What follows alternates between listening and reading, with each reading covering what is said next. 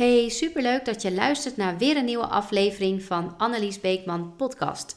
De podcast waarin ik spreek over personal branding, persoonlijke ontwikkeling en mindset.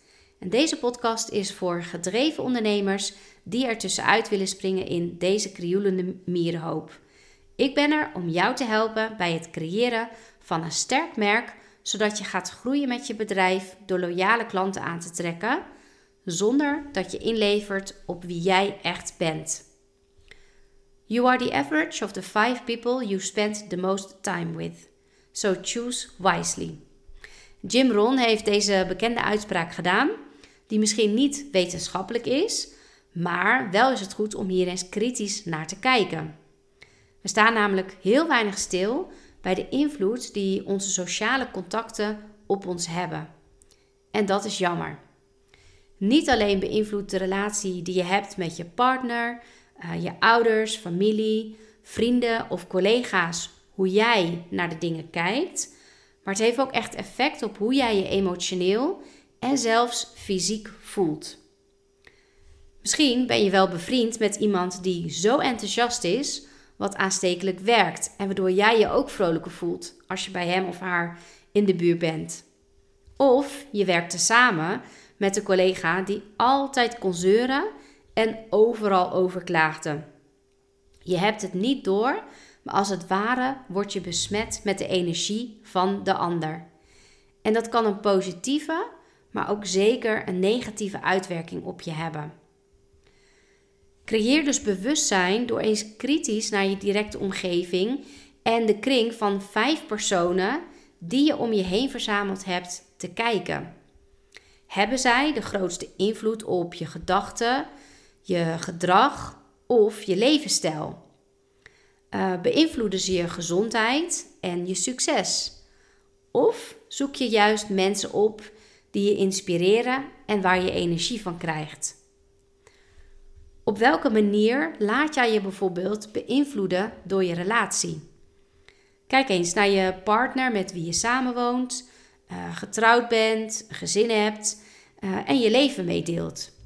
Wat brengt hij of zij op emotioneel gebied mee in jullie relatie? Welke emotie overheerst meestal wanneer je met elkaar omgaat? En hoe intens zijn deze gevoelens?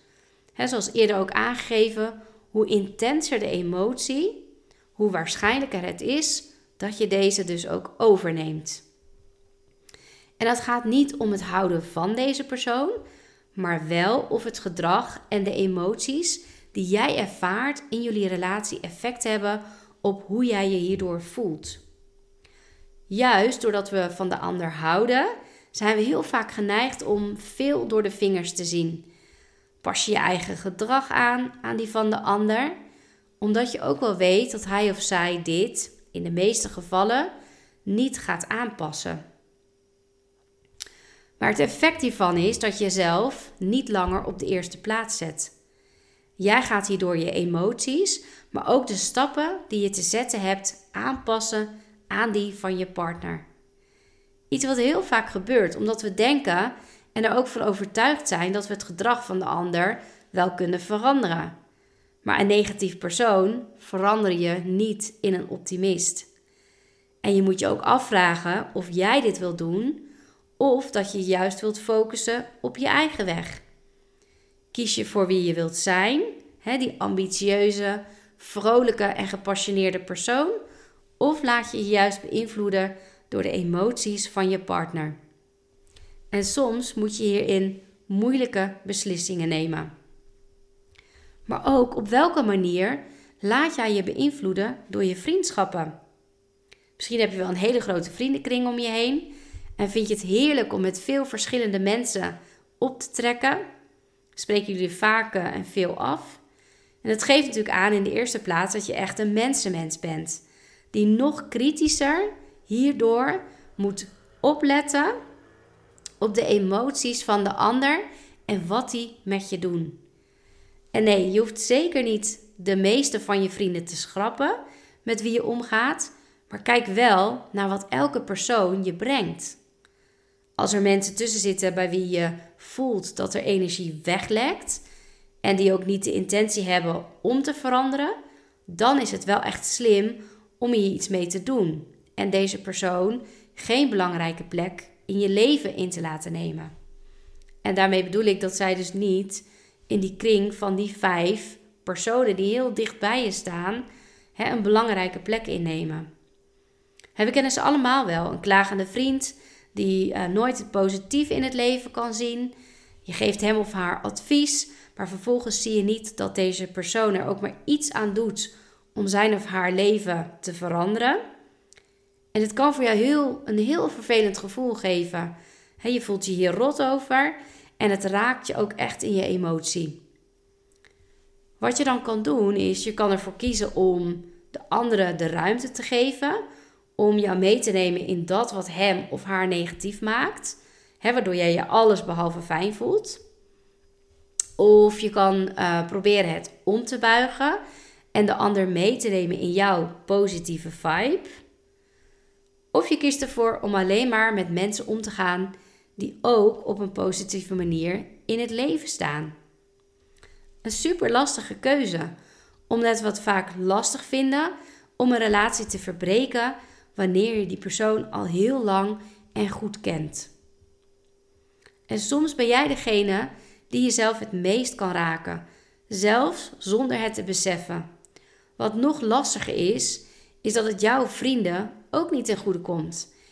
En hierin is het heel erg belangrijk om leiderschap te pakken en te kiezen voor jezelf.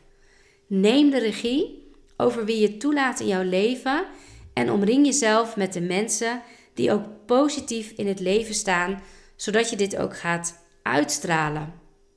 Pas dan ga je de mensen aantrekken die echt ook passen bij wie jij bent en bij wie jij je op je plek voelt. Jim Rohn die leefde van 1930 tot 2009 en in die tijd was er nog geen social media. Iets wat we nu uh, niet meer weg kunnen denken. En daarom is het ook goed om naast de vijf personen die je om je heen verzamelt, ook te kijken naar de verschillende contacten die je hebt op social media. Al die mensen die je volgt op Instagram, uh, LinkedIn, TikTok, Facebook, etc. En voor wie je dagelijks hun verhalen leest en de foto's bekijkt. Ook dit heeft echt een grote impact op jouw emoties en hoe jij je voelt. Het kan je een gevoel van onzekerheid geven Ehm, als het perfecte plaatje geschetst wordt. Misschien voel je je jaloers als je kijkt naar het leven van een ander. Of doet het iets met je wanneer iemand een duidelijk standpunt deelt. Als je te veel op social media doorbrengt, en dat doen we met z'n allen, we brengen ontzettend veel tijd op social media uh, door. We kunnen maar blijven scrollen en ons helemaal verliezen in het leven van een ander. En je laat je dus beïnvloeden door onbekenden dan ben je bezig met jezelf te saboteren. Daarom is mijn advies: volg echt alleen die mensen die een grote bron van inspiratie voor je zijn en bij wie, bij wie je je goed voelt. Misschien wel mensen tegen wie je opkijkt en waar je veel van kan leren. dus echt mensen ehm, ja, bij wie je eigenlijk wel, in wiens schoen je eigenlijk wel zou willen staan, om de persoon wie ze zijn. Misschien herken je jezelf in hun visie, uh, hun missie, hun kennis, de ervaring die ze hebben of de uitstraling, of juist in hoe ze zich gedragen. Een hele grote inspiratiebron voor mij is bijvoorbeeld Mel Robbins. Ze is life coach, spreker en talkshow-presentator van de Mel Robbins Show. Altijd heel eerlijk en oprecht en heel erg down to earth. Iets waar ik mij heel goed bij voel. Ze weet ook altijd de juiste snaar te raken, die me dan net weer op het moment dat ik dat nodig heb met beide voeten op de grond zet. Maar ook me aanspoort om de volgende stap te zetten. Pak ook hier weer leiderschap door de mensen te ontvolgen die jou een onrustig gevoel geven. Vraag jezelf dit ook elke keer weer af. Hè? Hoe voel je je bij die ander wanneer je bij hem of haar in de buurt bent? Of online iets leest wat die persoon gedeeld heeft. Met wie je omgaat zegt veel over wie je bent en dat is iets waar je altijd over moet nadenken als je werkt aan je persoonlijke imago. Het belangrijkste doel van personal branding is om een netwerk op te bouwen dat past bij je doelen en dat wat je wilt bereiken. En misschien klinkt dit nu heel egoïstisch in, uh, in je oren, maar kom voor jezelf op en zorg goed voor jezelf door te kiezen voor de mensen die echt een meerwaarde uh, in je leven zijn. Laat mensen jouw persoonlijke groei niet in de weg staan, maar omring je, je juist jezelf met mensen die denken zoals jij denkt.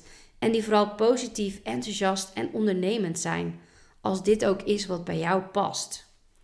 En niet te vergeten, kijk ook eens naar jezelf. Heb je helder voor ogen waar jij voor wilt staan en vooral waar je naartoe wilt? En wie heb je daarvoor nodig die jou inspireert en je kan helpen om je doelen te bereiken?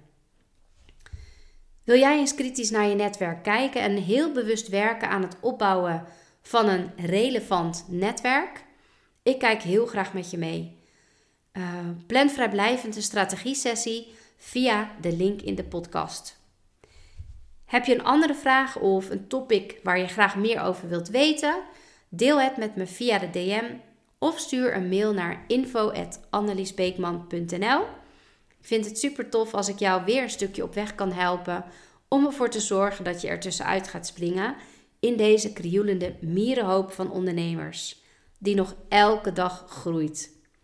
Wil je graag meer weten over mijn trajecten? Neem dan een kijkje op mijn website www.anneliesbeekman.nl. Zijn we nog geen connectie op LinkedIn? Stuur me een connectieverzoek of volg me op Instagram. Tot slot, dank je wel weer voor het luisteren naar mijn podcast. En was het voor jou de eerste keer, dan verwelkom ik je graag in de volgende podcastaflevering. Elke maandag komt er een aflevering live. En als je er geen één meer wilt missen, abonneer je voor meer waardevolle informatie en tips. Vergeet zeker niet om een review achter te laten. Dat stel ik zeer op prijs en het zorgt ervoor dat ik nog meer mensen kan bereiken en inspireren. Tot de volgende keer.